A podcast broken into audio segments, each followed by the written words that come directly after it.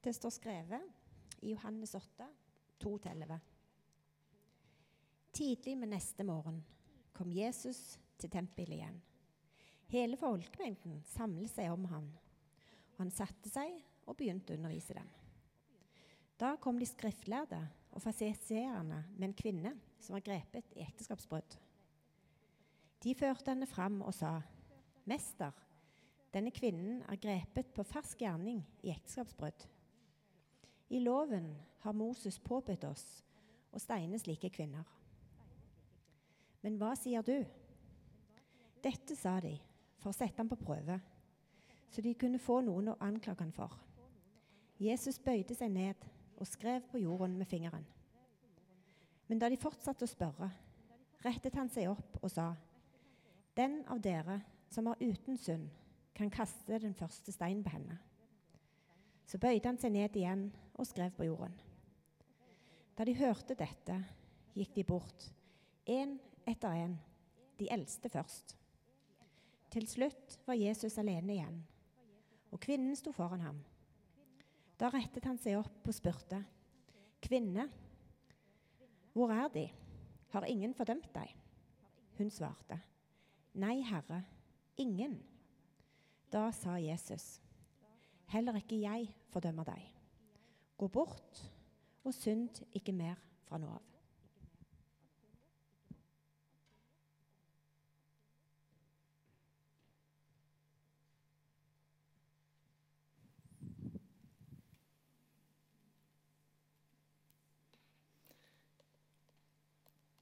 Vi eh, fortsetter i dag på en, eh, på en temarekke som vi startet forrige gang, om Jesu ikke-bud. Ikke-bud Det høres uh, kanskje litt rart ut, men det, det kommer av, at, av, at, Jesus kommer med flere utsagn der han ber oss om å, om å, ikke gjøre noe. Eller det er noe han ber oss om å ikke gjøre. Eh, frykt ikke, var det forrige gang. Synd ikke. Døm ikke, bekymre dere ikke. Sånne ting, sier han.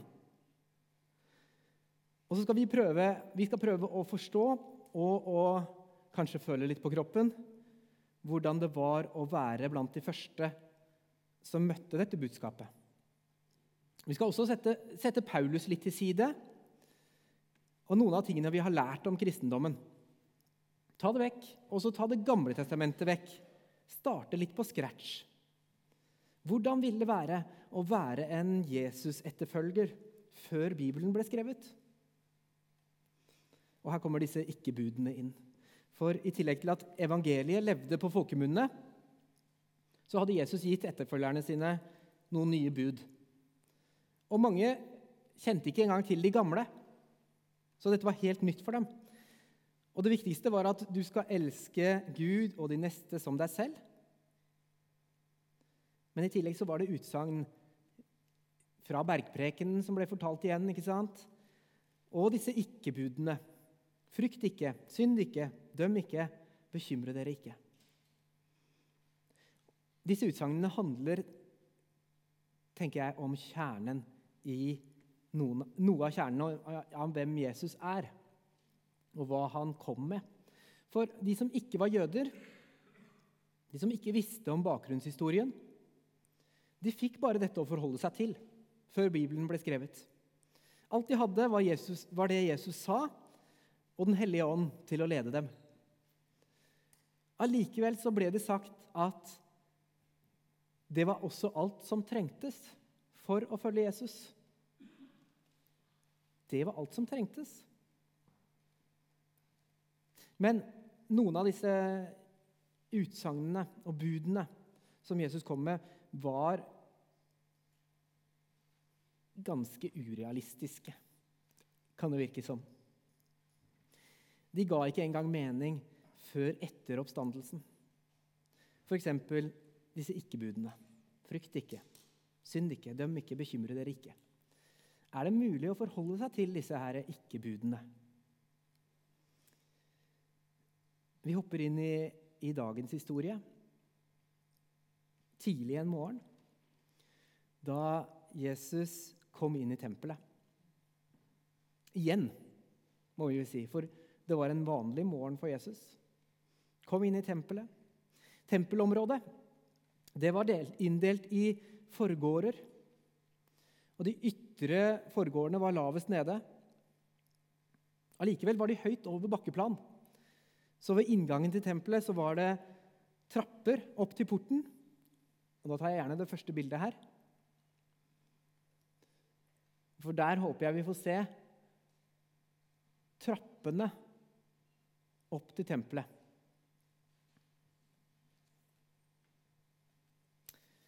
Mennesker i tusentall har gjennom tidene gått oppover disse trappene inn til tempelet. Vi fikk ikke det, det kan, Kanskje Øystein får det til etter hvert, men vi klarer det. Svære trapper opp til tempelmuren, som er kjempehøy. Og Der har mennesker breie trapper. Der har mennesker i tusentall gått opp gjennom tidene. Oppover der. Og der, også, der gikk også Jesus. Og innenfor så var det et enormt område innenfor murene. 30 mål. Jeg vet ikke om det sier dere så mye, det gjør jo egentlig ikke det for meg. Men 120 000 kvadratmeter var det innafor området. Så der, ja. Der kom, ta, ta, trappene først, og så, så, kan vi godt ta den der. Der var den, ja. Dette er tempelområdet. Der ser dere trappene foran. Svære trapper som leder inn til et stort område. Og Det første man kom inn til når man gikk inn, inn gjennom porten, var hedningenes forgård. Og Deretter gikk man inn gjennom en annen port og kom til kvinnenes forgård. Neste port førte til en forgård der de ofret dyr. Og så var det inngangen til det aller helligste. Øverst på midten der. Der inne lå paktens ark, de ti bud. Så på Jesu tid i det første århundret så var dette tempelet det var senteret for Guds aktivitet. Dette var episenteret for Guds tilstedeværelse på jorda. Det var her Gud var. Og uke etter uke, måned etter måned, år etter år, så klatret jøder opp de trappene. De er egentlig høyere enn en eh, vanlig trappetrinn. Så de klatret nesten opp disse trappene. Gikk inn i tempelet med offerdyret sitt, eller med kornoffer. Og da tok de med seg synden sin og la den igjen ved alteret. Det var det de gjorde i tempelet. Og så gikk de ned trappene igjen, ut, fri fra skyld og med forholdet til Gud, Gud gjenopprettet. Og Det er en av de tingene som gjør denne historien så viktig. For Sannsynligvis så gikk alle de vi hørte om i denne historien, de gikk opp disse trappene. Gjennom portene.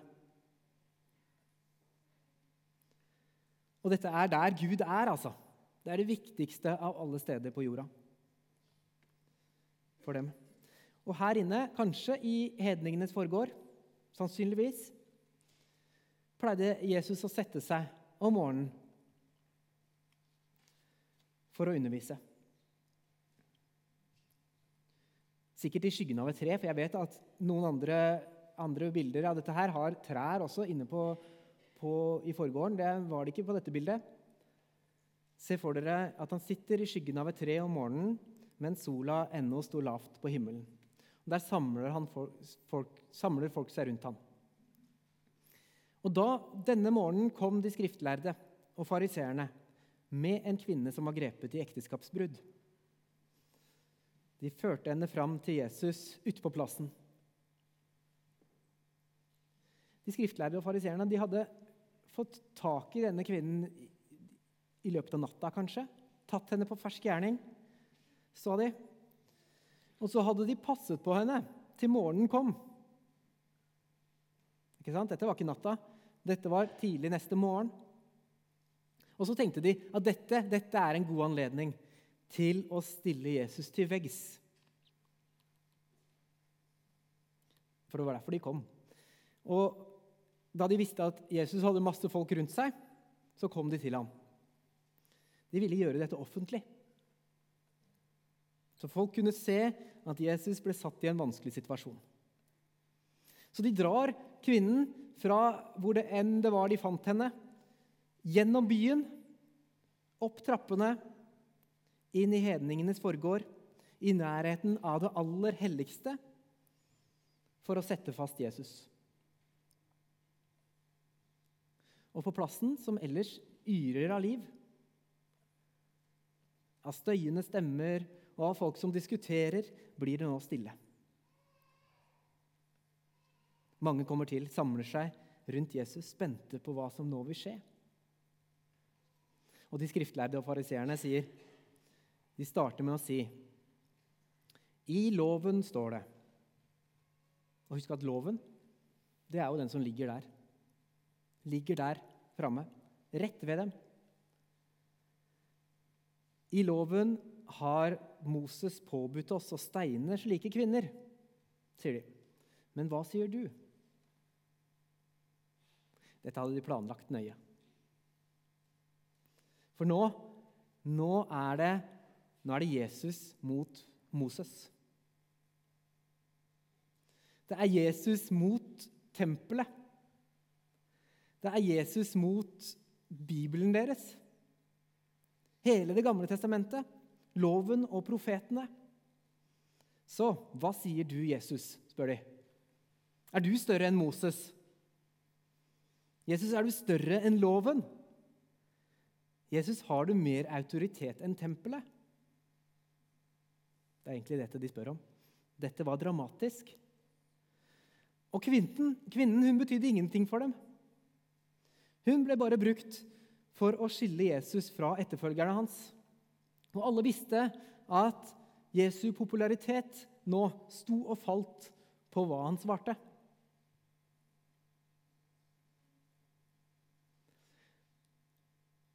Jesus kunne ha sagt, vel, bare stein henne.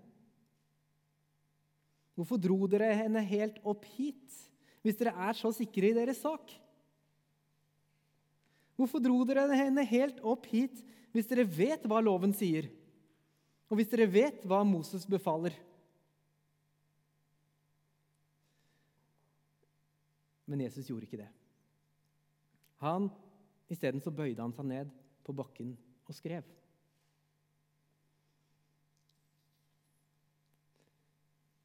Alle ventet. Anklagerne ble ivrige.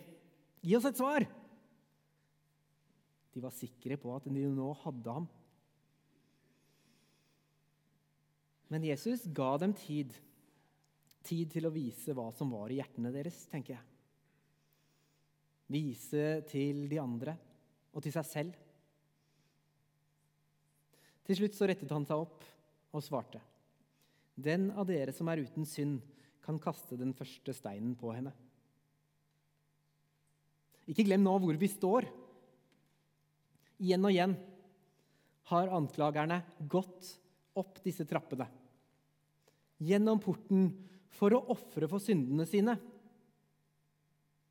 konteksten begynner å, å gå opp for disse her.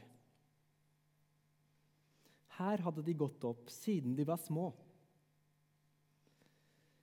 For å få tilgivelse, for å renvaske seg og for å gjenopprette forholdet sitt til Gud.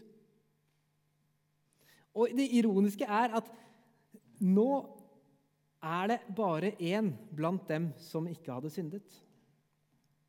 Og han var den eneste som ikke hadde stein i hånda. Anklagerne de hadde kommet rett opp fra byen. De hadde ikke ofret, de hadde gått rett bort til Jesus.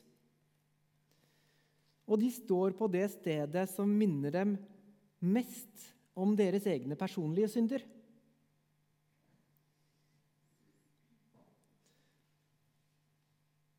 De hører hva Jesus sier. Og Da de hørte det, og da situasjonen endelig gikk opp for dem, så begynte de å tenke. Tenke på hva de var i ferd med å gjøre. Og hvor uverdige de var til å gjøre det de var i ferd med å gjøre. Og kanskje også på hvor mange ganger de selv hadde fortjent å bli steinet for sin egen synd. Da det endelig gikk opp for dem hvor selvrettferdige de var, så begynte de å se tydeligere. De eldste først, sto det. Så begynte de å gå ut. Hver for seg, ned trappene. De dro fra tempelet. Bort fra sentrum for Guds tilstedeværelse på jorden. Og nå står Jesus og kvinnen alene på plassen. Da tror jeg, jeg, jeg tror han smilte. Hvor er de? Dro de? Har ingen fordømt deg? Og Så svarer hun nei, Herre, ingen. Heller ikke jeg fordømmer deg, sier Jesus. Han sier, 'Jeg vil ikke tvinge deg til å betale for det du har gjort'. Jesus annonserer i praksis her nå til oss som leser dette senere, at jo, han er større enn Moses. Større enn loven, større enn tempelet. Og Vi skjønner senere at Jesus kom for å erstatte alt det. Gå, sier han, synd ikke mer. Du er fri til å gå, men synd ikke mer fra nå av. Og dagens ikke-bud, synd ikke, det virker så urealistisk før kors og før oppstandelse. Men det er faktisk, det er faktisk en invitasjon til hver eneste en av oss.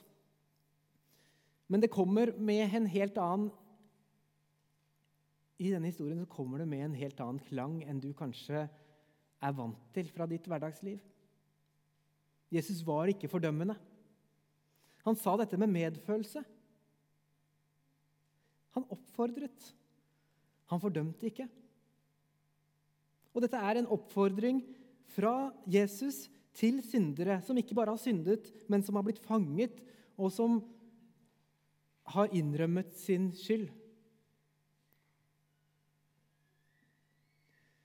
Og det er ikke sikkert denne, denne klangen i stemmen til Jesus Det er ikke sikkert det var den du vokste opp med. Det er ikke sikkert faren eller moren din ga deg følelsen av at dette var sagt med kjærlighet. Det er ikke sikkert du har møtt dette hos andre kristne eller fra naboen din, som er kristen. Men Jesu oppfordring var ikke fordømmende. Den var full av kjærlighet. Han oppfordret, han fordømte ikke. For Jesus, han visste det vi egentlig vet. Jesus visste det vi alle oppdager til slutt, at alle synder kommer med konsekvenser innebygd. Jesus ville ikke straffe kvinnen. Hun hadde allerede fått sin straff. Hun hadde blitt ydmyket, fått relasjoner ødelagt, sosial status lagt i grus. Samvittigheten veide henne ned. For synd dreper noe. Synd dreper noe. Dreper samvittighet, relasjoner, kropp, familie, ekteskap, selvrespekt. Men Jesus ber oss om å slutte å synde pga. konsekvensene de har. Ikke fordi loven eller Bibelen sier det. Ikke fordi Gud vil ta deg, men fordi synd vil bryte deg ned. Ikke fordi Gud er ute etter deg, men fordi Gud elsker deg.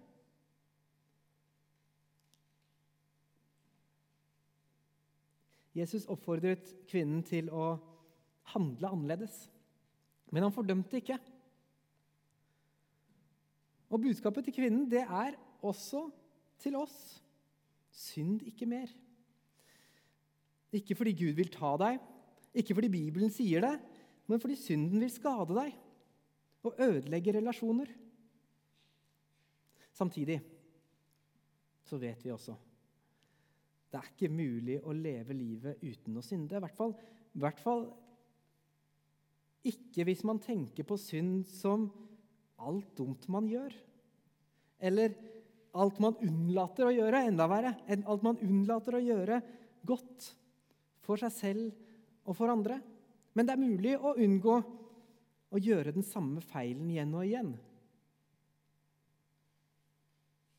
Det er mulig ved Guds hjelp å unngå å skade relasjoner og unngå handlinger som direkte skader de rundt deg. Selvfølgelig er det ikke lett,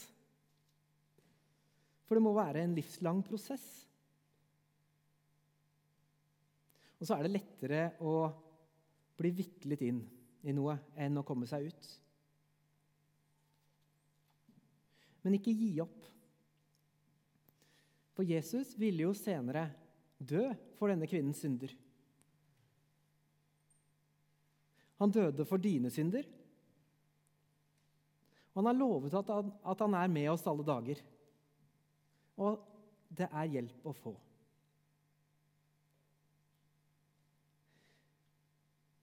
I Jerusalem, ved det som en gang var eh, tempelet, der går det ikke an å, å gå opp trappene og komme inn gjennom porten. Jeg vet ikke om du har det siste bildet? For Ser dere her? Her er trappene og det som en gang var porten. Porten er murt igjen. Man kan ikke gå inn der lenger. Men det som er bra, er at du trenger jo ikke lenger å gå inn der. På grunn av noe som skjedde like ved. Jesus døde for dine synder, så du er fri. Så nå kan vi istedenfor å ofre i tempelet, legge fra oss våre synder hos Jesus. Tilstå og få tilgivelse. Og gå videre.